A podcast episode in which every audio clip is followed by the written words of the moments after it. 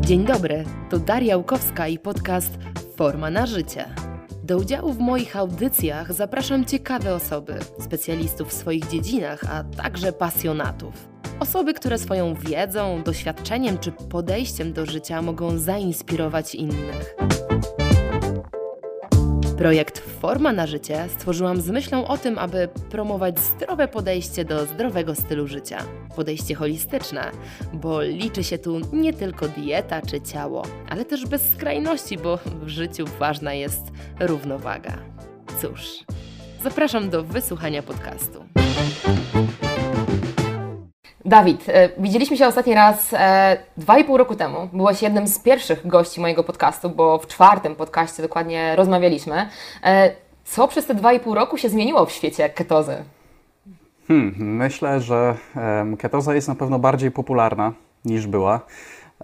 Chociaż pewnie mogliśmy to przewidzieć, bo już wtedy była dość mocno popularna, ale no, dzisiaj faktycznie dużo ludzi o tym mówi. Coraz więcej mam wrażenie nawet. E, także można powiedzieć, że, że to na pewno się zmieniło. No a wraz z tym idzie cały szereg różnych zjawisk, y, mniej lub bardziej fajnych, niefajnych. Dużo ludzi się tym interesuje, dużo nowych badań pojawia się w literaturze na pewno. No ale z drugiej strony też pojawia się e, coraz więcej jakichś tam uproszczeń, mitów, mhm. które, które można adresować. E, no także dzieje się, dzieje okay. się, tak. To y, jak ty się czuję w zasadzie z tym, y, mm, jeżeli, tak jak mówisz, jest dużo uproszczeń mhm. Y, i no zakładam, że chodzi Ci o te uproszczenia, które robią zły PR, czarny PR ketozie, diecie ketogenicznej generalnie. Mm, no a Ty w pewnym sensie jesteś jednym z pionierów, można powiedzieć, w Polsce, no nie? No bo jakby Twoja książka y, o, o diecie ketogenicznej w Polsce, no była książ pierwszą książką, z tego co ja wiem, z pol polskim autorem mhm. właśnie jesteś pierwszym. Mhm. E, no właśnie, i czy to gdzieś tam nie wpływa też na, na Ciebie, na Twoją działalność? Myślę, że w jakimś tam stopniu na pewno, natomiast ja też e, nie chcę być e, jakimś e, ministrem od spraw keto i, mhm. i, i tłuszczu, żeby tutaj na, naprostowywać wszelkiego rodzaju jakieś tam mity i, i nieporozumienia, ale faktycznie tak jest, że te uproszczenia, które są, zwykle niestety są błędne no natomiast mają to do siebie, że są bardziej medialne, są bardziej nośne. Mm -hmm. O wiele łatwiej jest wyjaśnić e, komuś, żeby jadł tłusto, bo od tłuszczu nie ma insuliny, a przez insulinę się tyje na przykład, niż wchodzić w bardziej zagmatwane mechaniki i zjawiska, albo w coś, co jest może nie aż tak fascynujące, bo na przykład kwestia bilansu kalorycznego wciąż by nas obowiązywała. Mhm. Zamiast tego część ludzi może jednak woleć usłyszeć o jakiejś właśnie insulinie, o jakimś takim uproszczeniu z jednej strony, a z drugiej o, o czymś, co brzmi nowatorsko. Mhm. Więc, więc tak, tych uproszczeń trochę jest. Mhm. E, te uproszczenia można sobie adresować jakby wydaje mi się, że każdy temat, który jakoś tam staje się popularny, ma e, część tych uproszczeń i część ludzi te uproszczenia jakoś tam e, powiedzmy e, adresuje, a inna część te uproszczenia wręcz tworzy, mhm. więc wszystko dzieje się, że tak powiem, normalnie. Okej, okay, no a powiedz o jakie uproszczenia chodzi, bo myślę, że to też jest ważne. Podejrzewam, że osoby, które nas będą słuchały, być może częściowo właśnie w te uproszczenia, nie wiem, czy wierzą, czy bo to też jakby o uproszczenie chodzi o to, że nie do końca dobrze jest zrozumiany jakiś tam wątek, tak? Tak, tak. Myślę, że takich uproszczeń może być e, dość sporo. Na przykład może być to wątek polegający na tym, że kwasy nasycone, e, które są zawarte w różnego rodzaju produktach typu jajka, podroby itd., tak niekoniecznie sprawiają, że powinniśmy rezygnować z tej grupy produktów.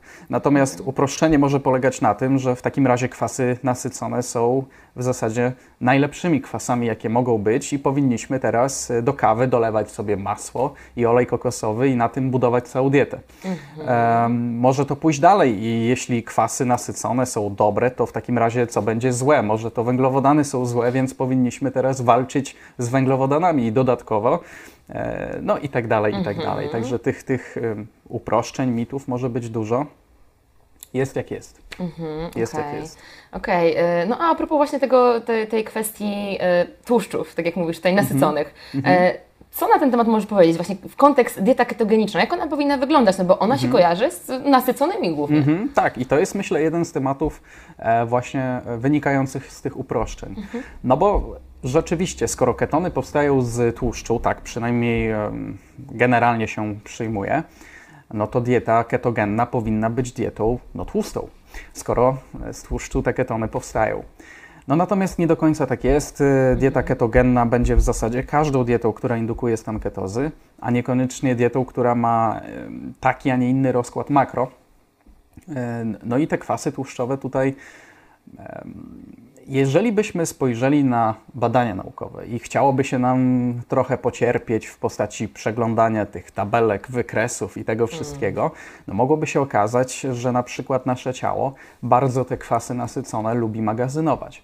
Jeśli natomiast interesuje nas e, wchodzenie na keto, żeby się odchudzić, no to powstaje pytanie, po co ładować w siebie nasycone, skoro my już nasyconymi, nasyceni jesteśmy, prawda? I tutaj może być na przykład jeden e, z takich kwestii. Inny temat, który ma związek z kwasami nasyconymi jest taki, że w zasadzie, wydaje mi się, taka jest moja opinia, tym, na czym powinno nam zależeć, to jest ten tak zwany medflex, e, czyli elastyczność metaboliczna, taka powiedzmy zdolność e, naszego organizmu do czerpania energii z różnych źródeł no, paliwa, powiedzmy, z, z różnych źródeł po prostu, w zależności od sytuacji, w jakiej jesteśmy. Jeśli jesteśmy w stanie e, stresora pod tytułem e, wysiłek beztlenowy, gdzie nasze ciało chętniej sięgnęłoby na przykład po glukozę, to nie powinniśmy sobie tej możliwości odbierać, nie powinniśmy sobie tej możliwości upośledzać, tylko wręcz ją rozwijać. No i teraz dieta keto może być tak ułożona, że będzie to, ten Medflex pogarszać albo usprawniać. Wątek kwasów nasyconych jest tutaj bardzo ważny. Jeśli byśmy bazowali na nasyconych w dużym stopniu, niestety możemy zaobserwować pogorszenie tego medflexu. Więc pytanie jest, czy jest to dobre, e, dobre podejście, dobre, dobra strategia w diecie keto. Teraz pytanie, jak dieta keto powinna wyglądać, to jest e, kwestia też indywidualna, bo zależy co komu, że tak powiem, w duszy gra i w sercu. Ale jeśli jest to na przykład dieta, która jest dietą dla osoby zdrowej, to uważam, że powinna być dietą, która będzie wspierać właśnie Medflex, e, która będzie poprawiać jakiś tam skład właśnie ciała, będzie poprawiać wrażliwość na insulinę, będzie spełniać wszystkie cechy w zasadzie każdej innej diety, która będzie mogła być e, uznana za dietę zdrową, jakąś tam zdroworozsądkową. Będzie dostarczać mikroskładniki, będzie dostarczać niezbędne, nienasycone kwasy tłuszczowe, odpowiednią ilość białka, nie za dużą, em, nie będzie mieć jakichś dziwnych, nietypowych e, założeń, na przykład e, skoro insulina jest taka zła, to nie chcemy mieć jej rano, więc pomijamy te śniadania, więc e, wrzucamy wszystko na e, drugą połowę dnia, na przykład przed snem em, i tak dalej, i tak dalej. nie? Także Mhm, Okej, poruszyłaś tu kilka ciekawych wątków. E, Ja się na chwilę wrócę do tej elastyczności metabolicznej, no bo to jest bardzo, bardzo ciekawe i mm, no bo jakby w die, na diecie ketogenicznej wchodzimy właśnie w stan ketozy, no nie? I Jest takie, no tak, teraz czerpiemy energię z tłuszczów tylko. No, jesteśmy na węglach, czerpiemy z węgli. E, I mam wrażenie, że właśnie utarło się takie podejście zero-jedynkowe. Jestem albo na tłuszczach, albo na węglach. O, tak. A ty mówisz tutaj, że musimy być tutaj właśnie po środku i z tego, co ja rozumiem, no zdrowy organizm to jest taki, co czerpie i z tego, i z tego efektywnie, tak? Mhm. No, powiedziałbym nawet, że e, no, ten świat jest jakoś tak skonstruowany, że żyjemy w środowisku pełnym różnych stresorów i nie zawsze jesteśmy w stanie przewidzieć, e, co to jest za stresor, a żebyśmy sobie z tym stresorem poradzili, to musimy mieć różnego rodzaju narzędzia do tego, różnego rodzaju źródła energii i różnego rodzaju em, możliwości czerpania energii z tych różnych źródeł.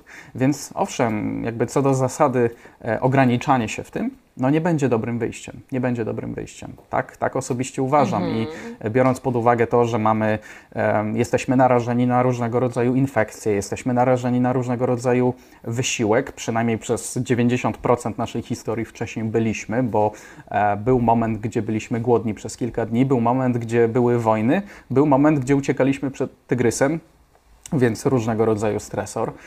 Więc tak, myślę, że im bardziej jesteśmy elastyczni w tym wszystkim, tym lepiej. Czyli to jest realne. no, myślę, że jest wręcz e, no, wskazane. Niezbędne. tak. Mhm. E, A rozwij proszę ten, e, te, to, co powiedziałeś a propos tego, że jeżeli mamy więcej nasyconych w tej diecie ketogenicznej, e, czy pewnie w ogóle w diecie, e, no to mamy gorszą tą elastyczność metaboliczną. Na czym to polega? Generalnie motywów pomiaru Medflexu, bo takim skrótem można operować tutaj, jest też kilka. Możemy na przykład e, podać komuś węglowodany, wprowadzić go na wysiłek e, jakiś tam powiedzmy wytrzymałościowy i badać różnego rodzaju parametry, które pozwolą nam określić, ile osoba e, z tych spożytych węglowodanów rzeczywiście pali na tym, na tym w trakcie tego wysiłku. Na energię. Tak. Drugą formą pomiaru może być na przykład pomiar palenia e, paradoksalnie kwasów tłuszczowych przez nasz organizm. I co ciekawe, mamy badania, które pokazują, że osoby, które mają gorszą wrażliwość na insulinę, palą mniej tłuszczu. Że to właśnie wrażliwość na insulinę wyższa em, wspomaga palenie kwasów tłuszczowych nasyconych, naszych własnych nasyconych, przez mięśnie w trakcie wysiłku. No więc em, jednym z wątków, które są bardzo ważne w Medflexie jest właśnie wrażliwość na insulinę.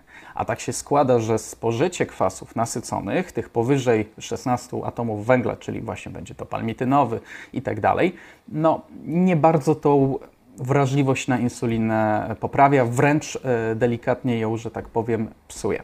Oczywiście to też nie jest tak do końca, że od teraz tylko kwasy nasycone w diecie mają wpływ na wrażliwość i na Medflex, bo jest cała masa innych tematów, jak chociażby stany zapalne i tak dalej, e, które też jak najbardziej kształtują Medflex. Ale tak patrząc stricte z punktu widzenia diety, diety keto, no, nie sądzę, żeby bazowanie na nasyconych e, było strategią, która pomaga budować wrażliwość na insulinę, ergo pomaga budować Medflex. Mhm. No dobra, a tak w praktyce. E, jakie tłuszcze? E, mówimy o nasyconych generalnie. To może jakie produkty tutaj mogą być na keto są albo są nadużywane, a które właśnie mogą pogarszać tą insulinowrażliwość naszą? No, wystarczy spojrzeć tak naprawdę na to, które produkty mają dużo tych nasyconych, po prostu powyżej powiedzmy 16 atomów węgla, chociaż w niektórych przypadkach mówimy też o 14 atomach węgla. No i to będą takie produkty pewnie jak e, smalec, jak masło, jak boczek, jak e, olej kokosowy, niestety, stety. Natomiast em, faktycznie jest e, tak, że olej kokosowy był taki moment, że no, był bardzo e, demonizowany. Trochę się z tym olejem kokosowym przeprosiliśmy. No, niestety znowu mam wrażenie, że w którymś momencie poszło to ciut za daleko. No. E, I dzisiaj ponownie to wahadło popularności odbija w stronę tego, że absolutnie olej kokosowy jest złem wcielonym. To też tak nie jest. Myślę natomiast, że produkty, które są bogate w nasycone kwasy tłuszczowe, powinny być formą dodatku, rekreacji, jak w przypadku oleju kokosowego, niekoniecznie bazą, na której powinniśmy budować swoją dietę. Innym takim ważnym elementem jest to, że Właśnie podobnie jak na słodycze, bo istnieje dość rozsądne założenie, że na kalorie, na słodycze, na, na, na cukier, na węgle, na, na tak zwane te cheat meale powinniśmy sobie zasłużyć e, wysiłkiem, e, składem masy ciała, poprawą wrażliwości na insulinę, że te węglowodany nie są takie złe, pod warunkiem, że mamy dobrą wrażliwość na insulinę i tak dalej. Podobnie jest w przypadku nasyconych ten tłusty boczek, ta karkówka na grillu i cała reszta e, polewanych smalcem i masłem różnych, e, wiesz, kawałków mięsa i tak dalej, powinna być rozpatrywana pod kątem tego, czy my mamy dużo własnego tłuszczu tkankowego, czy nie, czy mamy wysoką wrażliwość na insulinę, czy nie. Jeśli mamy z tym problem, nie jest to grupa produktów, na której powinniśmy bazować. Ja tak średnio raz dziennie dostaję zapytania o konsultacje, gdzie lwia część tych przypadków wykonuje te same czynności, e, wychodzi z podobnych założeń i pyta o podobne e, kwestie. Co robię nie tak w diecie keto? Czy dieta keto nie jest dla mnie? I dlaczego u mnie to nie działa, a u innych no, działa Okej. podobno fajnie? Właśnie problem w tym, że ci, którzy się tym chwalą, przeważnie właśnie u nich to działa, e, u tych, którzy, u, u, u tych, u których nie działa, raczej się tym nie chwalą. No i właśnie wtedy właśnie. jest pytanie, dlaczego nie działa. Więc to też nie jest do końca tak, że dieta keto u kogoś nie działa, tylko faktycznie z tych uproszczeń e, biorą się później te błędne trochę założenia, które, które warto skorygować. Mhm. Ja tak mi się z tego y, od razu skojarzyło, jak to mówiłeś, że y, Mhm. no wyobrażam sobie, że pewnie będzie nas słuchała duża grupa ludzi, którzy powiedzą, że ja jadłem sam właśnie boczek, smalec, olej Mhm. kokosowy na keto i schudłem, wiesz, i jakby myślę, że warto tu podkreślić też tą różnicę. Absolutnie. E, Pewnie dochodzi też w ogóle y, o to, z jakiego punktu ktoś startował w ogóle, Oczywiście, nie? Więc właśnie oczywiście. od czego to może zależeć? O, będzie też zależeć od tego, czy ten boczek i, i, i masło były uwzględnione w jakimś deficycie kalorycznym na Okej. przykład. Także to jest, to jest ta kwestia. Są rzeczywiście osoby, które em, po przejściu na tego typu sposób odżywiania, o którym mówisz, naprawdę czują poprawę, jeśli chodzi o kontrolę apetytu. I tutaj już sam fakt wygenerowania deficytu kalorycznego może sprawić, że schudną, a schudnięcie jest bardzo dobrym narzędziem do poprawy wrażliwości na insulinę, więc chociażby ta kwestia. Inna kwestia jest taka, że na początku diety keto niektórzy z nas nie do końca sobie radzą em, na pułapie enzymatycznym z, ze spalaniem kwasów tłuszczowych na wygenerowanie energii takiej użytkowej, wyrażanej w formie tego naszego słynnego ATP. I takie osoby będą wytracać dość dużą część energii w formie ciepła. E, więc to jest też jeden z mechanizmów, który sprawia, że na początku przejścia na dietę keto, mimo tych nasyconych i tego wszystkiego, i tak faktycznie chudniemy, bo wchodzimy na ten deficyt energetyczny z pułapu właśnie enzymów. Później lubi się to zmieniać, później jak już uczymy się lepiej sięgać do kwasów tłuszczowych, żeby uzyskać ATP, niestety ten, to zjawisko zanika i wtedy właśnie no, redukcja staje i, i pojawiają się różne pytania. Okej, no i właśnie i redukcja staje na keto i, Mhm. i to jest dla nas sygnał, że właśnie trzeba zmienić tą kompozycję e, kwasów tłuszczowych i, Mhm. i, zastosować ewentualnie inne czynniki, które poprawią naszą insulinowrażliwość, co może być powodem, bo Mhm. mam wrażenie, że to jest częsty y, problem, jak tak obserwuje się pytania na grupach Tak, chociażby, nie? tak, tak.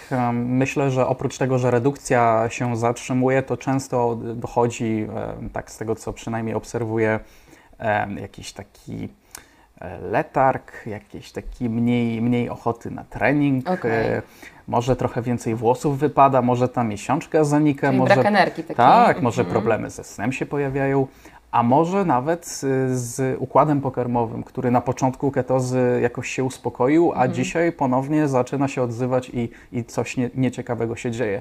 Więc e, ten, to zjawisko, gdzie ta redukcja się zatrzymuje, często jest nie tylko wątkiem redukcji, ale też na przykład innego rodzaju problemów, na przykład jakiejś endotoksemii, jakichś e, zmian w mikrobiomie, jakiejś dysbiozy.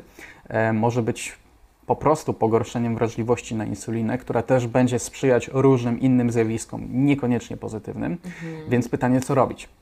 E, Myślę, że przede wszystkim e, warto zacząć już dietę keto od e, świadomości, że robimy to po to, żeby sobie w tym Netflixie pomagać, a nie szkodzić. Jesteśmy na diecie keto nie dlatego, żeby być w ketozie i tyle za wszelką cenę, tylko po to, żeby właśnie rozwijać ten Netflix. Jesteśmy w ketozie po to, by te ketony wykonały swoją robotę do wykonania, by dostarczyły nam energię, by zadbały o różnego rodzaju szlaki sygnalizacyjne, pomagały być może neuronom przetrwać stres i tak dalej, a niekoniecznie dlatego, żebyśmy mieli wysoki poziom ketonów we krwi i tyle, dlatego że jeśli to by było naszym celem, to będziemy wtedy ustawiać dietę stricte pod kątem ketogenności, zapominając o tej wrażliwości na insulinę, zapominając o niezbędnych nienasyconych, o dysbiozie i tak dalej. Więc jeśli zmienimy to podejście, to od samego początku wątpię, że dieta keto będzie polegała na smalcu i maśle i, i tyle. E, Będzie to raczej dieta keto polegająca na tym, że patrzymy na podaż białka, ale nie tylko, bo patrzymy na podaż białka i jego wpływ na przykład na mikrobiom. Em, pójdźmy dalej, patrzymy na kwasy nasycone, kwasy tłuszczowe w diecie. Ok, patrzymy pod kątem kalorii, fajnie, ale nie tylko. Patrzymy pod kątem wpływu na mikrobiom, patrzymy pod kątem wpływu na endotoksemię, patrzymy pod kątem wpływu na wrażliwość insulinową, patrzymy na źródła węglowodanów. Ok, 30-50 gramów tylko po to, żeby nie hamować ketogenezy, fakt, ale nie tylko, bo patrzymy na błonnik, na odpowiednie źródła błonnika, patrzymy na odpowiednie źródła witamin, minerałów itd. Myślę, że wracając do Twojego pierwszego pytania o te 2,5 roku ketozy, pewne wątki w którymś momencie wydawały mi się bardzo miałkie. Trochę powiedziałbym nawet, że nudne, bo ile można mówić o tym sodzie, potasie i magnezie na ketoadaptacji Mhm. i nawodnieniu i tyle. Natomiast biorąc pod uwagę rozległość tego tematu, ten Medflex, tą wrażliwość insulinową i tak dalej, okazuje się, że te same znane tematy w keto, które przerabiamy od lat, być może powinniśmy wrócić się do początku i spojrzeć na to właśnie z tej perspektywy. Nie z perspektywy ketoza dla ketozy, tylko z perspektywy jestem istotą biologiczną, która jest w świecie pełnym stresorów. Fajnie by było się do tych stresorów dostosować, radzić sobie z nimi. Ketoza jako dodatkowa forma paliwa, dodatkowe narzędzie sygnalizacyjne może mi w tym pomóc, ale jak to zrobić tak, żeby nie niszczyć przy okazji całej reszty no, aspektów zdrowotnych? Okej. Spory temat. Dawid, myślę, że wielu osobom tak po prostu mm, taką bańkę ketozy, tak wiesz, pękła Aha. ta bańka, nie? Bo powiedziałaś tutaj tak wiele e, ważnych rzeczy, ale jednocześnie mm, jakby okazuje się, że dieta, dieta ketogeniczna to nie jest po prostu tylko jedz tłuszcz, e, mm, po prostu spalaj tłuszcz, tak? Można powiedzieć, że no, y, mamy tą grupę keton, którą serdecznie pozdrawiam, oczywiście tłusto. Tam mamy taki podpis Power by Fat.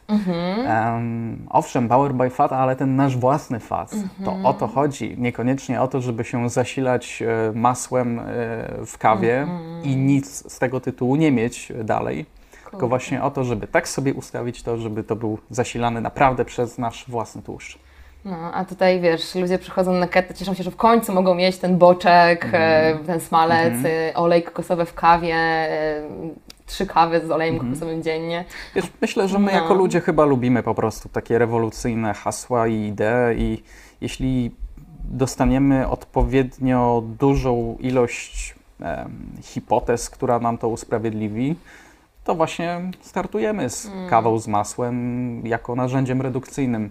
No właśnie problem w tym, że to niestety tak bardzo dobrze nie działa, bo po tych dwóch, trzech latach, tak jak rośnie grono ludzi, którym ketoza naprawdę bardzo pomaga, rośnie grono ludzi, którym ta ketoza wcale nie pomogła.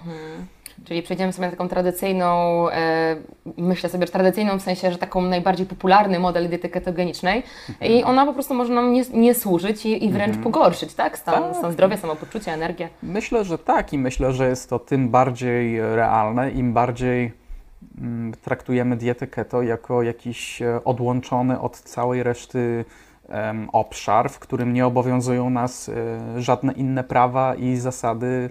Czyli tu się warzywa nie liczą, nie? No, na przykład, albo nie liczą się w ogóle witaminy, minerały i nic innego, dopóki mamy ketony. Tak jakby te ketony były jakąś uniwersalną materią we wszechświecie, która potrafi spełnić wszystkie inne funkcje.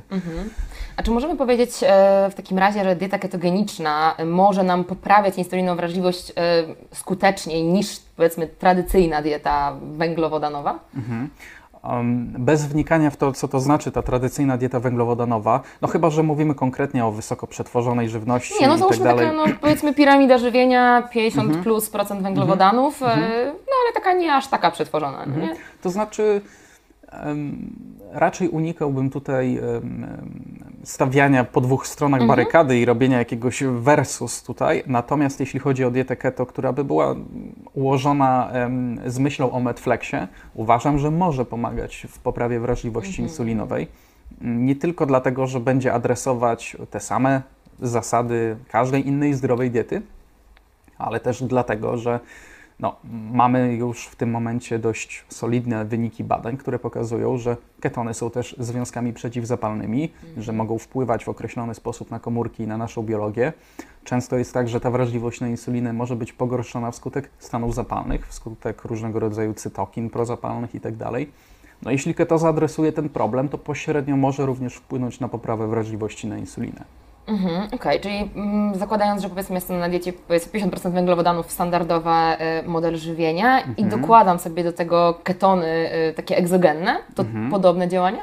Myślę, że to jest bardzo ciekawy wątek. E, Łączenie ketonów generalnie z węglowodanami jest naprawdę ciekawym wątkiem. Em, W obszarach tutaj bardziej sportowych jest to coś, co ma prawo, myślę, w którymś momencie odnieść dość spory sukces. Okej. Na pewno bardziej niż e, dieta keto polegająca na pozbyciu się węglowodanów i wprowadzeniu tłuszczu u, u sportowca, ale i nie tylko.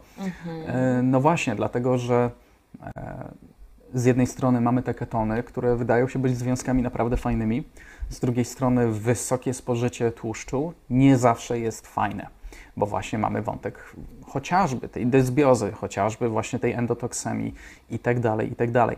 Więc jak zrobić tak, żeby z jednej strony mieć te ketony i czerpać z nich korzyści, a z drugiej strony, żeby sobie nie szkodzić w czymś innym. Więc tutaj, tak jak słusznie zauważyłaś, e, wspomaganie się rozwiązaniami e, egzogennymi, myślę, że to kiedyś może być dobrym, dobrym pomysłem. Mhm.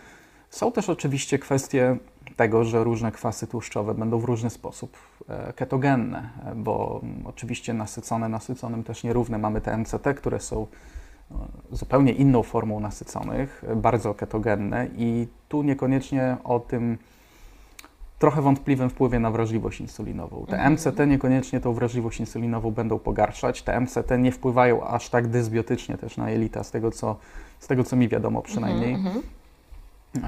Są też różnego rodzaju inne kwasy tłuszczowe, które też będą dość ciekawie działać, bo na przykład e, jeśli spojrzymy sobie na to, jak nasze ciało postrzega różne kwasy tłuszczowe i zobaczymy, że ten ALA znajdujący się na przykład w oleju lnianym, mhm. omega-3 jest bardzo chętnie palony przez organizm i bardzo chętnie wytwarza ketony nasz organizm. Bardzo niechętnie nasz organizm lubi ten ALA magazynować, więc może się okazać, że jeśli byśmy dodali sobie odrobinę tego do każdego posiłku, nasza ketonemia byłaby wyższa i właśnie to zrobili niektórzy naukowcy i mhm. wykazali, że rzeczywiście tak jest.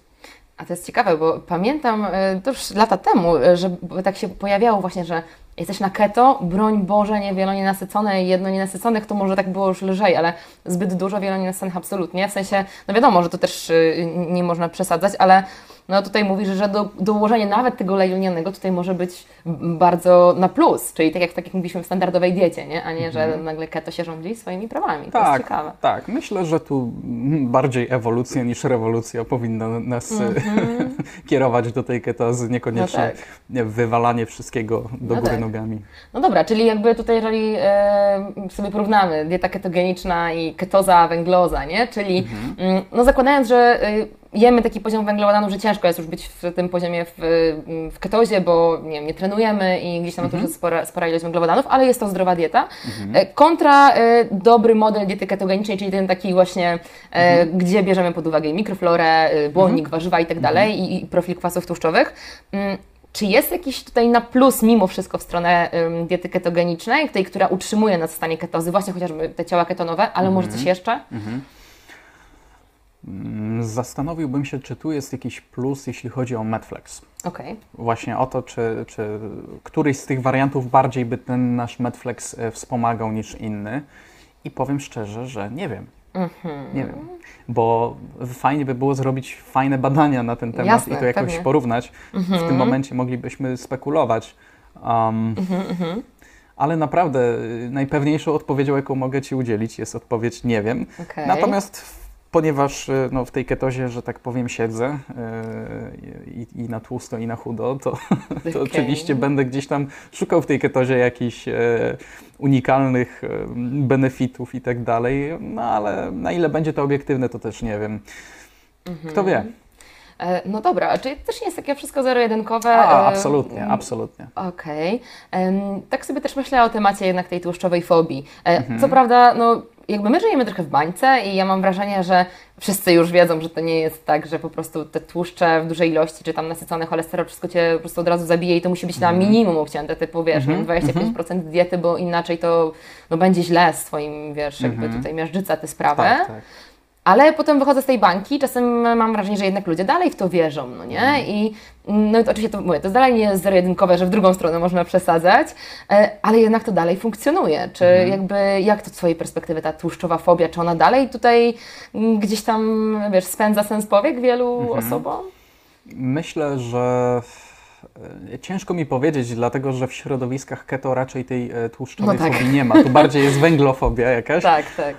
Um, na pewno jest jakieś ziarno, tudzież kropla prawdy w tych fobiach. Mm -hmm. No i rzeczywiście, jeśli, jeśli mielibyśmy sobie tą wrażliwość insulinową niesamowicie pogarszać, jeśli mielibyśmy sobie e, wprowadzać no, fatalny stan w jelitach za pomocą tych tłuszczów, no i tak dalej, robić różnego rodzaju właśnie jakieś takie rewolucyjne podejścia do któregoś z makroskładników, no to nie jest to zdrowe. Mhm. Więc może, może ta kropla prawdy te fobie jakoś tam podsyca, ale, ale tak jak wspomniałem, e, czy ta tłuszczofobia istnieje, ciężko mi powiedzieć, dlatego że mhm. bardziej wiem, że węglofobia istnieje. To zdecydowanie jest. Jasne. Myślę, że w różnych, e, powiedzmy, subkulturach dietetycznych wręcz e, każda ma mhm. jakąś swoją fobię. No dokładnie i tak jak wspomnieliśmy a propos tego, że zarówno no, węglowodanów unikać się nie powinno, chociażby w kontekście warzyw i mikroflory jelit, tak? Mhm. E, tak samo w kontekście tego tłuszczu I, i tutaj mnie tak ciekawi też temat e, bardziej, żeby przekazać też to, to mhm. innym, e, no, że te diety niskotłuszczowe, gdzie nawet do 10% tłuszczów, chociaż no, kojarzę, że są gdzieś tam tacy przedstawiciele e, środowiska bardziej takiego wegańskiego, mhm. że faktycznie mają bardzo dobre e, wyniki, nie pamiętam nazwiska teraz tego, tego pana, bardzo popularnego, który się zajmuje właśnie e, układem krążenia i on ma bardzo dobre efekty w momencie, kiedy nam 10% tych tłuszczów jest w diecie i, i głównie mhm. to są gdzieś tam produkty e, takie wegańskie, roślinne mhm. e, i że cofają się zmiany miażdżycowe, no nie? Mhm. Więc jakby mhm. coś takiego jest. Natomiast z drugiej strony ja na swojej drodze gdzieś tam zawodowej bardzo dużo osób spotkałam, które na skutek diet niskotłuszczowych, między innymi mhm. chociażby miały problem z woreczkiem żółciowym, nie? Jakby i mm, i mam wrażenie, że mimo wszystko jesteśmy w stanie chociażby poprawić te y, parametry układu krążenia i generalnie zdrowia, mhm. jednak będąc na takiej diecie no, gdzieś tam o do, dobrych proporcjach bardziej niż takich niskotłuszczowych, mhm. a te niskotłuszczowe dalej są zalecane, bo ja się dalej spotykam z ludźmi, którzy takie diety e, Rozumiem. stosują. Mhm. E, jakie jest Twoje zdanie na ten temat? No, myślę, że ta fobia tłuszczowa i, i te restrykcje na każdy tłuszcz, nie, nieistotny jaki, który gdzieś tam no, funkcjonował, tudzież moment, w którym każdy tłuszcz był zły oprócz tych trans. E, no, zrobił nam trochę krzywdy jako społeczeństwu w różnych kontekstach. E, I tu faktycznie przyznaję Tobie rację absolutnie, że wielu ludzi interesuje się ketozą właśnie dlatego, że ma za sobą jakieś tam przeżycia polegające na bardzo niskotłuszczowych dietach mm -hmm. i całą masę różnych problemów zdrowotnych, Łącznie z jakąś taką dziwną relacją z jedzeniem, też niekoniecznie zdrową, niekoniecznie fajną. Problem w tym, że e, często e, powiedzmy ludzie po takiej fobii tłuszczowej przechodzą na inną fobię, a to też nie do końca o to chodzi. Mhm. Natomiast tak, no już bez wchodzenia nawet w jakieś biochemiczne tutaj słówka i skróty i tak dalej, myślę, że ograniczanie tłuszczu nawet bez wglądu w to, jaki jest to tłuszcz i jaką rolę ma do wykonania w organizmie, może być bardzo szkodliwe dla nas, bo mhm. ograniczmy sobie DHA, EPA, te wszystkie HUFA, MUFA, PUFA i inne skróty, no niestety się pojawiły. Mhm. E, no i pojawia się szereg problemów. Pojawia się szereg problemów. No, mamy chociażby problemy z gospodarką hormonalną, mamy problemy z regulacją stanów zapalnych. Wiele tłuszczów e, jednak wpływa na to, co, jakie metabolity, w, czy chociażby prostaglandyny, czy leukotrieny i cała masa innych związków mm. jest regulowana w naszym organizmie. Mamy pogorszenie stanu skóry, często jeśli rezygnujemy właśnie z tych NNKT, pogorszenie wrażliwości na insulinę paradoksalnie, jeśli, mm -hmm. jeśli też o to nie zadbamy. Wiele kwasów tłuszczowych bierze potężny udział w tworzeniu i regulowaniu pracy układu nerwowego.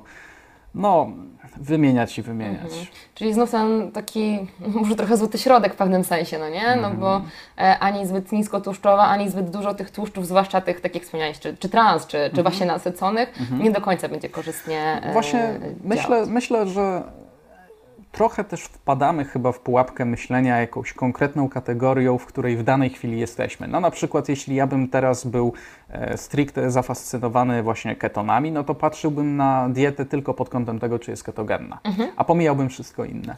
E, jeśli bym na przykład stwierdził, że mnie od teraz będzie interesować e, no właśnie tylko i wyłącznie wrażliwość na insulinę, to patrzyłbym tylko pod kątem tego, co na insulinę uwrażliwia, a co na nią uodparnia, czy tam powoduje oporność. Mhm. A jeśli bym siedział teraz w mikrobiomie tylko i wyłącznie, to patrzyłbym tylko i wyłącznie na to, co ten nasz mikrobiom i mikrobiota na przykład tworzy z danych źródeł pokarmów w diecie chociażby, mm. czy jak on determinuje to, na jakiej diecie powinienem być.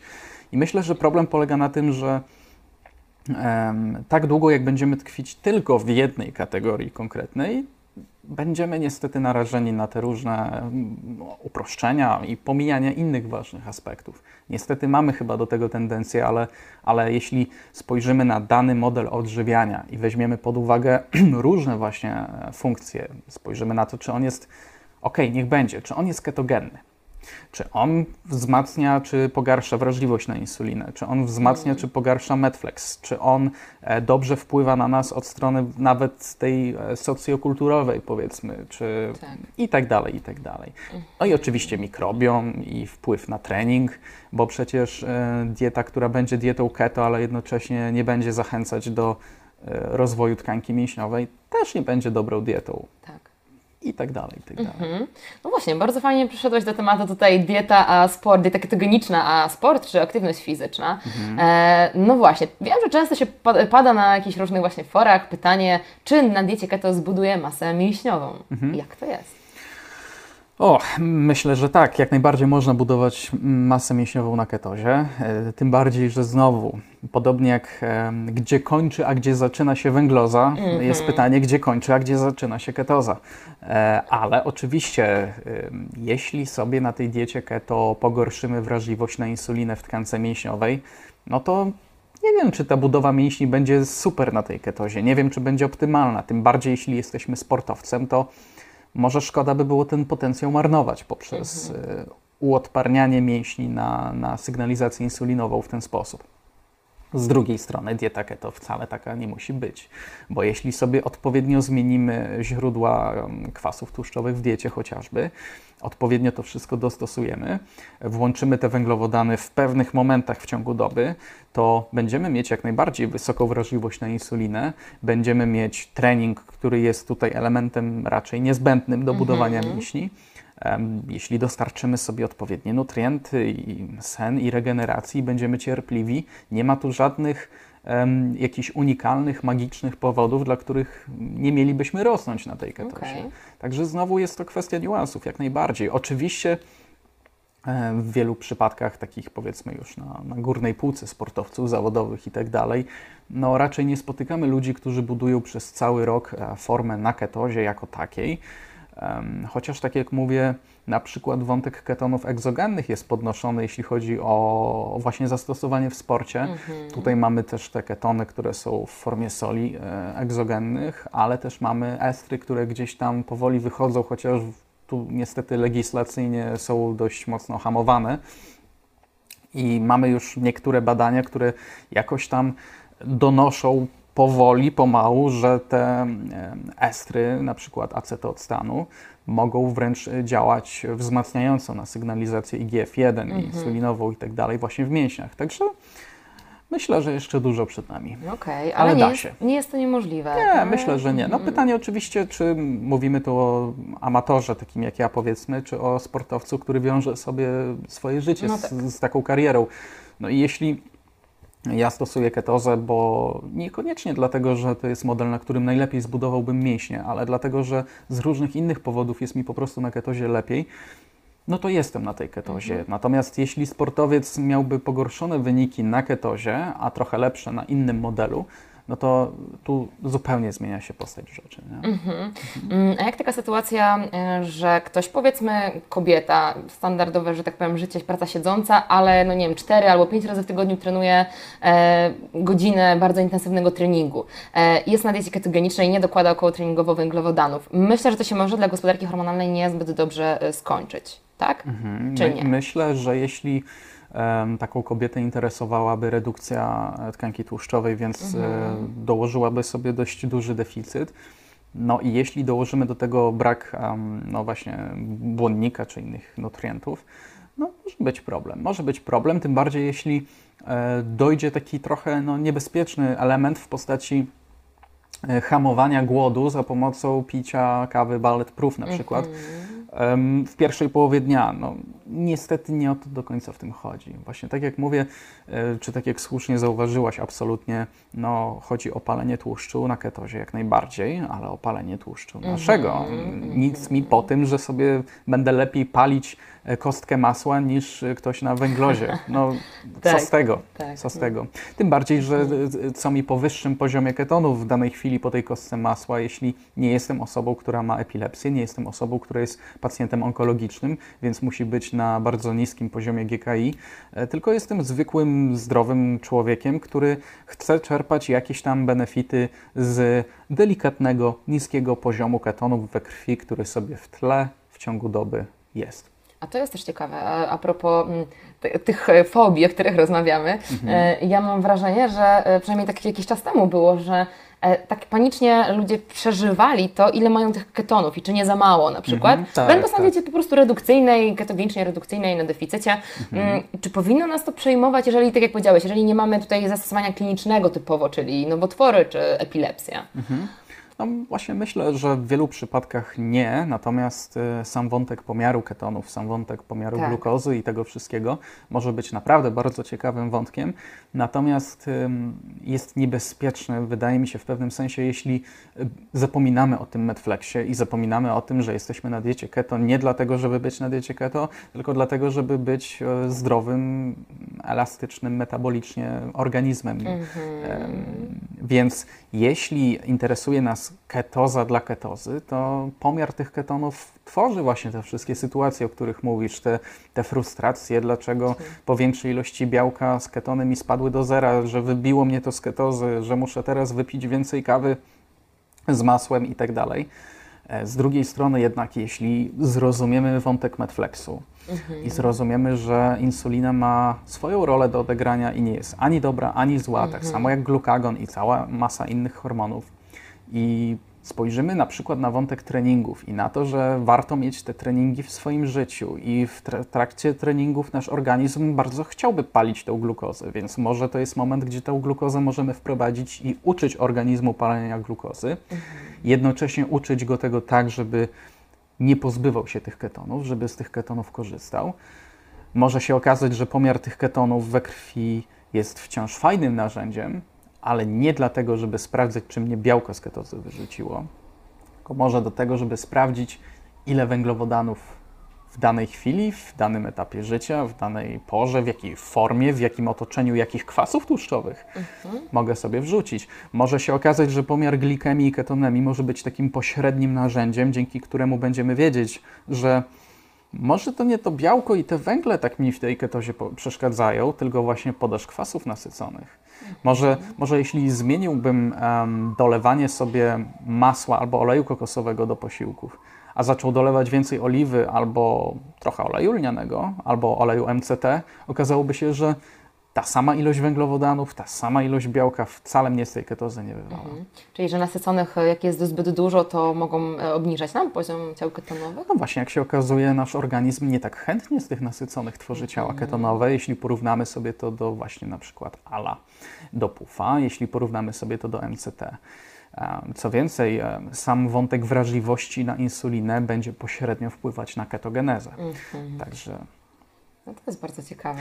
myślę, że to jest nawet takim fajnym wątkiem, który wyciąga rękę w stronę tych różnych e, barykad dietetycznych i mówi: hej, tutaj nie chodzi o to, żebyśmy się kłócili, tylko zastanowili, jak z tego wszystkiego ubrać każdemu z nas jakąś fajną dietę, która będzie pozwalać nam elastycznie sobie radzić z różnego rodzaju stresorami, a, No tak. a stres jest super, o ile jest krótkotrwały, jest zdrowy, jest fajny, gorzej jak jest tym długotrwałym, ale nawet tu warto mieć tą elastyczność, żeby sobie z nim radzić. Mhm. No tak, ja tak też kojarzę, że często jest poruszany taki temat, że kurczę, wyrzuciłam mnie z ketozy, teraz od nowa muszę zaczynać wszystko, nie? No bo już koniec, a, a to może po prostu, to, to jest jakby elementem, tak? Tutaj, kiedy budujemy... Jak najbardziej pytanie, co to znaczy zaczynać od nowa z tą ketozą, bo jeśli jest to, mm, wywaliło mnie z ketozy, bo byłem na pizzy i dzięki temu wiem, że teraz muszę sobie trochę pójść na trening, trochę może pójść pomorsować, poruszać się, pobiegać i dzięki temu wytworzyć ciała ketonowe, myślę, że okej. Gorzej, jeśli będzie tak, że pójdę na pizzę, a na drugi dzień zaczynam dzień od właśnie wypicia kostki masła z kawą. A, czyli to już nie bardzo. Czyli znowu to łączymy. A właśnie a propos em, tego kawy kul- kuloodpornej, e, jak, czy w ogóle jest na nią miejsce w diecie ketogenicznej, takiej faktycznie, e, która ma nam służyć zdrowotnie? Mhm. To jest bardzo dobre pytanie. Jeśli byśmy zmienili sobie to masło na olej MCT, to już byłbym trochę bardziej skłonny do tego. Em, biorąc pod uwagę to, że każda dieta musi spełniać jakiegoś rodzaju zasady, przede wszystkim musi być zasobna w jakieś tam składniki odżywcze, to jeśli nasza dieta będzie taka i będziemy mieć okno na te kalorie i po prostu lubimy tą kawę i nie ma problemu, to wtedy nie ma problemu. Myślę, że, myślę, że tak. No, Okej, e, to dlaczego MCT akurat? Tam będzie akurat dobre. Mhm. Dlaczego MCT? Dlatego, że e, MCT, o ile jest faktycznie nasyconym kwasem tłuszczowym, czy, czy są nasyconymi kwasami, bo tu mówimy głównie o C8 i C10, o tyle ich wpływ na pogorszenie wrażliwości na insulinę nie występuje tak, jak występuje w przypadku e, właśnie palmitynowego na przykład. Więc to jest jeden powód. Drugi powód, skoro jesteśmy na diecie keto, warto korzystać z kwasów tłuszczowych, które są bardziej ketogenne, Okej. a MCT są jak najbardziej ketogenne. Trzeci powód jest taki, że kwasy MCT również działają trochę inaczej na mikrobiom. Zaryzykuję stwierdzenie z naciskiem na zaryzykuję, że nie wpływają źle, wpływają może nawet całkiem nieźle na ten mikrobiom. Okej. W porównaniu, na, na pewno w porównaniu z tymi bardziej długimi, chociaż tak jak mówię, na ten moment jest to, jest to tutaj moja opinia, która gdzieś być może się zmieni, ale Okej. No dobra, a to dlaczego miałabym chcieć na diecie ketogenicznej będąc wypić w międzyczasie kawę z olejem MCT? Nie mówię, że dodawać po prostu właśnie, bo olej MCT jest dobry, dodawać do sałatki czy coś, ale e, w jakim momencie to by był dobry pomysł? Mm, Pomijając taką po prostu chęć na dobrą kawę z MCT-kiem, myślę, że takim momentem może być jakieś okolice treningowe, gdzie podniesienie sobie e, tych źródeł e, i dostępności różnych źródeł energii może być fajno, fajnym momentem po prostu na to. Może jak, jakiś, jakaś dobra kawa e, lub inna postać dodatku w okolicach morsowania na przykład. Em, To są takie chyba dwa konteksty, które bym widział. Okej, czyli jakby tutaj, jeżeli chodzi o kwestię treningową, to zakładam, że w kontekście dźwigni energetycznej, w pewnym sensie, W pewnym sensie, tak. dostępności, a przed morsowaniem w kontekście też termogenezy? Tak, jak najbardziej dostarczenia kwasów e, tych tłuszczowych, które bardzo chętnie nasze ciało wykorzystuje do palenia energii, do, do, do generowania energii, e, również w formie cieplnej, ewentualnie do wytworzenia ketonów. Mm, Okej. E, Rozmawialiśmy w poprzednim naszym podcaście a propos dieta ketogeniczna, ketoza po prostu, a e, morsowanie. E, I zarówno wpływ tego zimna na, na gdzieś tam wzrost ciał ketonowych, ale też sam kontekst połączenia tego, że to trochę idzie w parze. E, Jak teraz uważasz? Uważam, że dalej, dalej tak uważam. Okej. Dalej tak uważam. No, tak w zasadzie z dwóch powiedzmy powodów. E, Jeden jest taki, że morsowanie jest e, formą stresu. Absolutnie co do tego nie mam wątpliwości, że wchodzenie do zimnej wody dla naszego ciała jest formą stresu i to niesamowitego stresu. A ciała ketonowe tak to do siebie mają, że rosną w trakcie stresu. Jeśli spojrzymy na różne badania molekularne, okazuje się, że te ciała ketonowe nam w tym stresie pomagają sobie radzić. I tu wpływają na różne tam białka i hadaki i inne dziwne skróty. Więc jeśli wchodzimy do zimnej wody i narażamy się na stres, myślę, że fajnie by było posiadać molekuły, które nam w tym stresie pomagają sobie radzić po prostu. Drugi powód jest taki, że no, jeśli spojrzymy, znowu to jest taki e, trochę może naciągany wątek, ale jednak interesujący, że no, tam, gdzie jest zimno w tej naszej naturze, tam raczej tych węglowodanów nie ma. Tam e, raczej jest ciemno, raczej jest e, sprzyjająco wchodzeniu w stan ketozy, takiej endogennej bardziej. E, Chociaż zwykle występują tłuste źródła no, ryb czy fok i innych źródeł. Swoją drogą niekoniecznie bogatych w nasycone kwasy tłuszczowe. Więc e, biorąc pod uwagę to, również myślę, że dieta ketogeniczna gdzieś z tym morsowaniem może iść. Mhm. E, A propos morsowania, e, tutaj to jest też kolejna mała cegiełka do insulinowrażliwości chyba. E, Myślę, że tak, szczególnie jeśli byłaby to poprawa wrażliwości na insulinę związana z bardzo takim nieaktywnym trybem życia, ewentualnie z jakimś przewlekłym stanem zapalnym o niskim nasileniu. Tutaj faktycznie to pobudzenie układu nerwowego, pobudzenie adrenergiczne e, może pomóc w poprawie wrażliwości na insulinę. Z drugiej strony mamy ciekawe badania, które pokazują na przykład w populacji fińskiej i duńskiej, że spadek temperatury otoczenia na zewnątrz e, wiąże się z obniżeniem wrażliwości na insulinę, co z kolei może być ciekawym wstępem do pytania na przykład o to, czy oprócz e, diety i tego wszystkiego, o czym mówiliśmy, za chwilę nie dojdzie wątek chronobiologii i, i tego, że w zależności od pory doby, od pory e, sezonu, od pory roku, a może nawet od etapu życia, na jakim jesteśmy, no ten nasz metabolizm może chcieć różnych e, rzeczy. Nie? Tak, no to jest myślę, że bardzo ważne i, i to będzie myślę, że bardzo ważny temat e, kolejnych, że tak powiem, lat. E, ale tak właśnie, bo propos chronobiologii, do posiłków zaraz, bo o to też chciałam Cię zapytać. E, ale czy chronobiologia ma morsowanie? Czy Ty masz jakieś dane na ten temat? W sensie, wiesz, czy, czy coś jest korzystniejszego dla nas, to, to zimno, ekspozycja na zimno bardziej rano, czy może bardziej właśnie jak jest ciemno?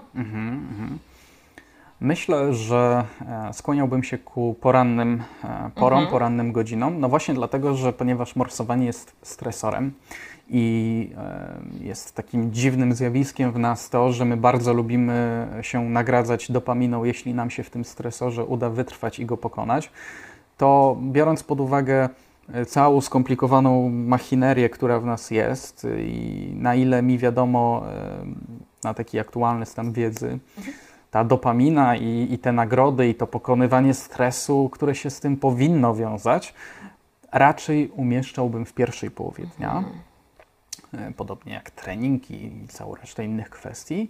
E, Natomiast w drugiej połowie dnia skłaniałbym się już raczej ku wyciszeniu, ku, ku relaksowi i, i tak dalej, i tak dalej. Oczywiście może się okazać, że w jakimś konkretnym kontekście e, to morsowanie w drugiej połowie dnia będzie lepszym wyjściem albo będzie równie dobrym wyjściem, bo na przykład odkryjemy, że morsowanie pomaga nam lepiej kontrolować glikemię, e, pomaga nam uwrażliwić właśnie e, czy to tkankę mięśniową, czy to tkankę tłuszczową na e, glukozę, na insulinę, więc pozbywamy się tej glukozy, jest ta glikemia mniejsza, jest bardziej kontrolowana w drugiej połowie dnia. Jeśli mielibyśmy z tym problem, a morsowanie by nam w tym pomagało, a stosując w drugiej połowie dnia, być może to jest też sensowne. Mhm. Też pamiętam, że kiedyś e, mm, rozmawialiśmy, chyba nie wiem, czy, czy z Tobą, czy gdzieś na forach, że e, morsując e, wieczorem i nie Mhm. jedząc nic, nic później, że no zwiększa się jednak poziom ciał ketonowych i że to Mhm. może też jakąś funkcję spełniać. E, Zastanawiam się, czy to może mieć jakieś przełożenie w kontekście właśnie takim zdrowotnym. Myślę, że w jakimś na pewno będzie mieć. Jest to, powiedziałbym, znowu swego rodzaju e, adaptacja do pewnego stresu, uczenie się tego copingu właśnie w, w tym stresie, no bo tu wchodzimy do tej zimnej wody, e, więc organizm musi natychmiast pomóc sobie przetrwać to, natomiast no, później dalej ma cały szereg zadań do wykonania, musi się ogrzać, musi tę spaloną energię w trakcie ogrzewania później skądś jeszcze czerpać na e, podtrzymanie funkcji życiowych w trakcie snu, więc dalej będzie sięgał do zapasów tkanki tłuszczowej i tak dalej, i tak dalej. Być może, biorąc pod uwagę to, że są badania, które pokazują, że ketony i autofagia coś gdzieś mają wspólnego, może nasilają ten stan bardziej, może nie, nie wiadomo. Na pewno coś gdzieś moglibyśmy tutaj pogrzebać, gdybyśmy mieli odpowiednie narzędzia. Może za kilka lat, kto wie. Mhm, Okej. A powiedz e, a propos morsowania, bo tak jak mówisz, ono to dużo energii organizm kosztuje zarówno w trakcie, jak i po y, wiele godzin. E, a co dzień, ten dzień morsowania, ciężki trening? Mhm. No właśnie, to jest też e, ciekawy wątek, jak to w świecie naukowym chyba lubi bywać. E, Weźmy dwa różne mm, zjawiska, trening i morsowanie. E, W jednym badaniu wyjdzie nam, że trening i morsowanie równa się większy stan zapalny, w drugim badaniu Tak. wyjdzie, że mniejszy stan zapalny. Różnica może być taka, że jeśli umieszczę morsowanie po treningu, to mam mniejszy stan zapalny. Jeśli umieszczę morsowanie przed treningiem, wychłodzę swój organizm, pozbędę się glikogenu, mm, wzmocnię poziom e, różnego rodzaju e, katecholamin i tak dalej i pójdę dodatkowo na trening, okaże się, że mam generalnie o wiele wyższy stan zapalny. Także chociażby ten wątek. Czyli jak zwykle narzędzie i może Jak być dla Tak, użycy. tak, tak. Ciekawe, mam, tak. mam znajomego, który y, gra w futbol amerykański i właśnie Mhm. zawsze jak tak bardzo mm, ciężki mecz, to zawsze potem sobie robi właśnie wannę z kostkami lodu pełną Mhm, i mówi, że bardzo mu to służy, więc to też jest właśnie kwestia bardzo na pewno indywidualna, no każdy robi No, coś w innym, najbardziej. celu, nie? I też kojarzę, że a propos budowania masy mięśniowej, chyba były takie Mhm. badania kiedyś, że jak się po, y, naraża na zimną właśnie, y, zimną, chyba zimną wodę, mm, no to, że jakby to jest gorsze przyrosty, że tak Mhm, powiem. tak, tak, tak. To tutaj jak najbardziej są No. badania, które pokazują, no, że chcemy budować mięśnie, warto e, te mięśnie jakoś tam sobie podniszczyć. E, Podniszczenie tych mięśni równa się również mediacja poprzez stan zapalny, Mhm. ten lokalny w mięśniach. A tak się składa, że faktycznie, tak jak mówisz, morsowanie może ten stan lokalny trochę zmniejszyć, Mhm. te cytokiny prozapalne i całą resztę, no ergo te, te przyrosty mogą być mniejsze, więc znowu Mhm. kontekst i, i tak dalej. Okej. E, No dobra, a wracając jeszcze do, właśnie do tej chronobiologii. Powiedziałeś Mhm. w międzyczasie, że no, zaczynanie dnia od kawy z tłuszczem po prostu e, to nie jest najlepszy pomysł. Wiesz, to jest kwestia, do której można podejść na różne sposoby. Możemy sobie wziąć mm, no, człowieka lub tysiąc takich człowieków i mierzyć u nich poziom na przykład adipokiny, czy mm, adiponektyny dokładnie rzecz biorąc i sprawdzać, jak w ciągu doby poziom tej adiponektyny e, się waha, czy jest wysoki rano, czy jest wysoki wieczorem, czy jest niski wieczorem, a wysoki rano, no i zastanawiać się, co ta adiponektyna w ogóle robi, z czym ona ma coś wspólnego. Może się okazać, że adiponektyna ma coś wspólnego z wrażliwością na insulinę. Jeśli wyjdzie na to, że jej poziom jest wysoki na przykład o godzinie 10 rano, o 9 rano, a jest niski na drugą połowę dnia, to możemy już się pokusić o stwierdzenie, że wysoka wrażliwość na insulinę jest rano. A jeśli jest wysoka wrażliwość na insulinę rano, to czy naprawdę powinniśmy unikać posiłków węglowodanowych w pierwszej połowie dnia?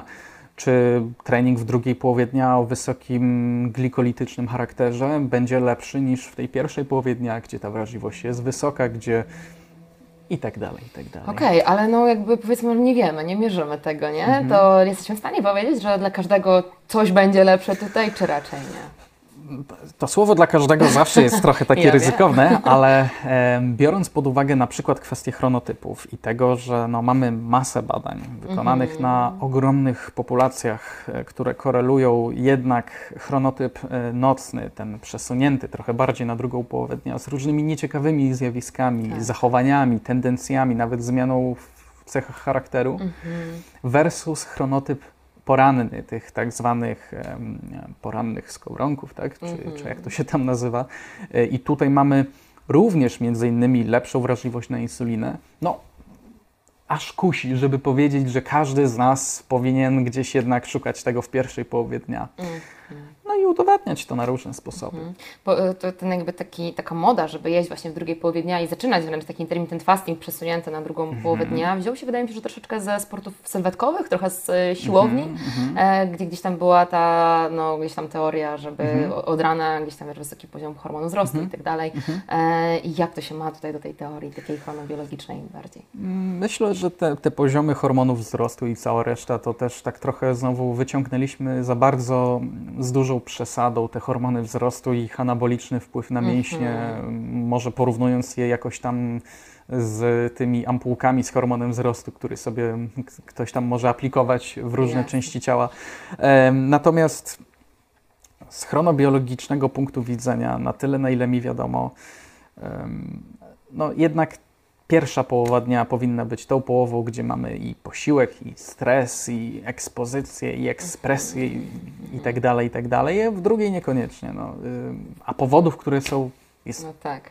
dużo. Czyli w drugiej połowie raczej się wyciszamy, no nie? Tak, a myślę, myślę, że wątek z tym IF-em też y, i omijaniem e, śniadań, no mógł się wziąć trochę z tych hormonów wzrostu, może trochę właśnie z tego połączenia strasznego kortyzolu z insuliną, który jest ponoć Mhm. takim strasznym, a może nie, może chodzi o to, że insulina ma ten kortyzol właśnie wyhamować i dlatego warto tą insulinę jakoś tam trochę obudzić. No tak, czyli znów skupiamy się na jednej elemencie, nie patrząc na to bardziej tak całościowo, mam wrażenie. Też, Myślę, że trochę wpadamy właśnie w te pułapki myślenia konkretną kategorią i No tak. a niestety lub stety nasze ciało tą jedną kategorią nie jest, tylko całą masą różnych. No tak. A tak a propos właśnie jedzenia, chronobiologii, e, też a propos treningów wieczorem, no nie, ciężkich. E, ja się spotykam wielokrotnie z, z ludźmi, z podopiecznymi, którzy, którzy mogą być na trening dopiero o 20 i im bardzo na tym zależy. Na przykład, e, często są na przykład treningi grupowe, nie, jakby sporty walki i tak dalej, że no ciężko komuś powiedzieć, że kurczę, korzystniej dla Ciebie będzie ćwiczyć w pierwszej połowie dnia, kiedy tam nawet tej grupy nie ma, nie może w ogóle tego robić, czy dostosować dnia. I to też jest tak jakby, mając świadomość tej chronobiologii i tego, że prawdopodobnie dla większości ludzi jest jednak to przesunięcie na pierwszą połowę dnia, e, no to to jest trudne. Mhm. No, E, jak najbardziej. Myślę, że to bardzo ważny temat y, tutaj poruszyłaś, bo my chcemy być biohackerami i w ogóle wszyscy teraz wstawać rano i tak dalej, a wieczorem em, przy świeczkach medytować. Problem w tym, że jeśli to robisz, możesz nie mieć znajomych, a to może się okazać również ważnym elementem zdrowia i także No. complicated. Tak, tak. No, co innego, jeżeli to jest raz na jakiś czas, nie? Że raz na jakiś czas sobie wychodzisz wieczorem, ale raczej o to dbasz. No, ale właśnie, z drugiej strony nie możemy powiedzieć komuś, kto, nie wiem, rano musi ogarnąć dzieci, potem jechać do pracy i dopiero potem ma czas dla siebie na trening. Tak, tak, Powiedzieć, że robisz źle, tak? Jakby, Tak, bo... To też nie o to chodzi. Bo Absolutnie. to musi być jakiś taki złoty środek, dopasowanie maksymalnie, mm, jakby to mniejsze zło dla siebie wybrać, nie? O, tak, chyba, to, tak. chyba to o to chodzi. E, powiedz mi, Dawid, jeszcze a propos mierzenia ciał ketonowych, już taki luźniejszy temat, e, no bo gdzieś tam no, mamy głównie te glukometry, które też mierzą ciała ketonowe w, we krwi. Mhm, Wiemy, że te w moczu to raczej na, na początek, tak? Na, na początek adaptacji. E, czy generalnie, czy coś jeszcze, nie wiem, czy jest w Polsce dostępne? Wiem, że na świecie różne metody się stosuje. E, Bardzo różne. i, i masz jakieś zdanie na ten temat, co być może co jest przyszłościowe, co jest bardziej sensowne? No metod jest dużo, oprócz tych, o których wspomniałaś, możemy jeszcze sobie zmierzyć e, poziom ketonów tych wydychanych, tą acetozę powiedzmy. Na ile mi wiadomo, część ciekawych firm pracuje nad pomiarem takim nieinwazyjnym tego poprzez e, mierzenie tych molekuł glukozy, na przykład na podczerwień i tak dalej. No, dzieje się generalnie. Myślę, że wątek tej, tego e, self-monitoringu jest wątkiem, który będzie rosnął, e, generalnie będzie rósł na świecie i, i, i w połączeniu z aplikacjami myślę, że da nam bardzo fajny pogląd na to, co się z naszym ciałem dzieje. Te sensory, które pozwalają mierzyć e, glikemię w zasadzie 24 na dobę, Zobacz, pod kątem Netflixu to może być fajne narzędzie. Może bardzo fajnie nam pokazać, co się dzieje z naszą glikemią po spożyciu takiego, a nie innego tłuszczu, mm, kombinacji danych e, węglowodanów i białek w kontekście treningu na przykład i tak dalej, i tak dalej. E, Natomiast co generalnie sądzę o tych pomiarach? No właśnie sądzę, że mamy problem z tym, że jeśli upraszczamy temat ketozy, to upraszczamy temat pomiarów, a jeśli upraszczamy temat pomiarów, to robimy błędy. E, na przykład pijemy dużo masła, żeby podbić ketony, bo ketony ponoć e, odchudzają i dlatego powinniśmy te ketony podbić, jeśli nie redukujemy fatu na ketozie, na przykład takie podejście. Także Tak, no właśnie, ale to, to e, a propos możemy to nawet rozwinąć, że e, to, co powiedziałeś, e, dużo osób uważa, że jeżeli jestem na redukcji, na diecie ketogenicznej, w jakiejś tam formie tej diety, e, no to muszę mieć więcej ciał ketonowych, no bo jeżeli nie mam ich, wiesz, odpowiedniej ilości, no to nieskuteczna będzie ta redukcja. Czy to O, tak, ma tak. jakiś związek? No myślę, że nie bardzo. Nawet y, ketony trochę mm, hamują tą redukcję w pewnym Okej. sensie, bo mamy to zjawisko lipolizy, gdzie nasza tak. tkanka tłuszczowa uwalnia ten, ten zmagazynowany tłuszcz. No a się okazuje, że tkanka tłuszczowa uwalnia ten tłuszcz nie tak sobie po prostu. Jest to też regulowane przez różne receptory i tak dalej. Jednym z takich receptorów jest receptor HACR2 i okazuje się, że BHB, to które tak bardzo lubimy mierzyć właśnie we krwi, no na ten receptor oddziałuje i kiedy oddziałuje, to blokuje uwalnianie tłuszczu przez adipocyty, czyli przez nasze komórki tłuszczowe. I ma to bardzo fajną, konkretną rolę, nawet okołokliniczną. E, Ma to konkretną rolę, jeśli chodzi o hamowanie dyslipidemii, jeśli chodzi o wręcz y, obniżanie stanów zapalnych w układzie sercowo-naczyniowym i tak dalej, i tak dalej. Więc może się okazać, że jest dokładnie odwrotnie, że ketony wcale nie odchudzają, nie pomagają w ten sposób się odchudzać. Z drugiej strony może i pomagają na przykład w lepszej kontroli apetytu i dzięki temu pomagają się odchudzić. Więc znowu bądźmy ostrożni z tymi uproszczeniami. Natomiast absolutnie, jeśli uprościmy sobie to tak, że skoro ketony e, są wynikiem wysokiego palenia tłuszczu, to jeśli podbijemy sobie te ketony niezależnie od źródła tłuszczu, czy jest to tłuszcz z jedzenia, czy z naszej własnej tkanki, to będziemy jakoś tam redukować lepiej. No, no niestety nie. Okej. E, No dobra, Dawid, tak jeszcze na koniec e, Mhm. a propos genetyki. E, Genetyka bardziej czy epigenetyka tutaj w kontekście diety ketogenicznej? Myślę sobie Mhm. tutaj, że no wiemy, że są, są geny, które nie, nie, do końca, polimorfizmy genetyczne, Mhm. które mogą sprawiać, że niezbyt dobrze reagujemy na przykład na dietę ketogeniczną. Mhm. I, i, I czy to faktycznie tak jest, że mamy jakiś wynik powiedzmy niektórych, że tak powiem, genów i, i sobie patrzę, że nie powinnam tego stosować, czy wręcz poprzez właśnie jakieś e, elementy epigenetyczne mogę na to tak wpłynąć, że em, jak najbardziej będzie ok. Mhm. No, To na pewno pytanie, które konkretnie polimorfizmy, których konkretnie genów są takie em, sytuacje, gdzie naprawdę no, ciężko będzie indukować stan ketozy, bo na przykład będziemy mieć problem z genami, które odpowiadają za ketogenezę. I jeśli nasza wątroba nie szczególnie chętnie będzie te ketony tworzyć, no to ciężko będzie jakoś ten stan optymalizować. Z drugiej strony, jeśli będziemy mieć uszkodzoną ketogenezę, ale wprowadzimy ketony egzogenne, to No tak. jesteśmy w ketozie, czy nie jesteśmy No w tak. ketozie? Więc temat znowu jest taki trochę zniuansowany. No tak. Em, Myślę, że są takie polimorfizmy, które będą bardzo poważne, ale będą też takie poważne trochę mniej. Mhm. Czy są metody i narzędzia, które mogą ten genetyczny make-up w jakiś sposób ominąć lub coś w tym stylu? Pewnie są. Pewnie są i jak najbardziej takim przykładem znowu może być to, że w niektórych sytuacjach będziemy trochę gorzej reagować na kwasy nasycone z połapu genetycznego. Em, może być tak, że w niektórych sytuacjach część z nas będzie mogła sobie pozwolić na większą ilość węglowodanów i dalej być w ketozie, a ktoś inny nie. Także to też znowu nie jest do końca tak, że odkryliśmy epigenetykę lub się raczej nią zachłysnęliśmy i od teraz geny nie mają znaczenia. Jest to raczej kolejny etap e, i element, który nam to życie komplikuje, a nie upraszcza. Jasne. No dobra, Dawid, myślę, że e, tutaj wiele naprawdę też ciekawych, e, ciekawych tematów padło. No i jakby myślę, że taki, taki apel też przez ten podcast właśnie, żebyśmy tę, tę dietę ketogeniczną nie patrzyli tak zero-jedynkowo i dali szansę tym wszystkim, że tak powiem tutaj definicjom, które, które padły tym, tym tematom, bo to jest bardzo ciekawe narzędzie znowu do całego naszego zdrowego stylu życia w zasadzie, prawda? Myślę, że dieta keto jest nawet ciekawsza, kiedy rozpatrujemy ją e, przez pryzmat czegoś większego, jak na przykład Netflix, niż przez pryzmat sodu, potasu i magnezu. Dokładnie. E, Dawid, ostatnie pytanie, które już u mnie dostałeś, ale no minęło 2,5 roku, więc ja mam wrażenie, że to było w innym życiu już. E, bo, bo ten czas tak szybko leci. Twoja forma na życie, Twój sposób na dobrą formę na życie. Na Hmm. stan na dziś, dzień dzisiejszy. Aha. No myślę, że poranne wstawanie będzie dalej tą formą na życie, tym przepisem, który ewidentnie tutaj e, jest. Ale też taką formą na życie myślę, że jest to, by nie. Mm, by doceniać po prostu złożoność tego wszystkiego, a nie od niej uciekać. Jesteśmy naprawdę fascynującym organizmem, świat jest bardzo fascynującym miejscem.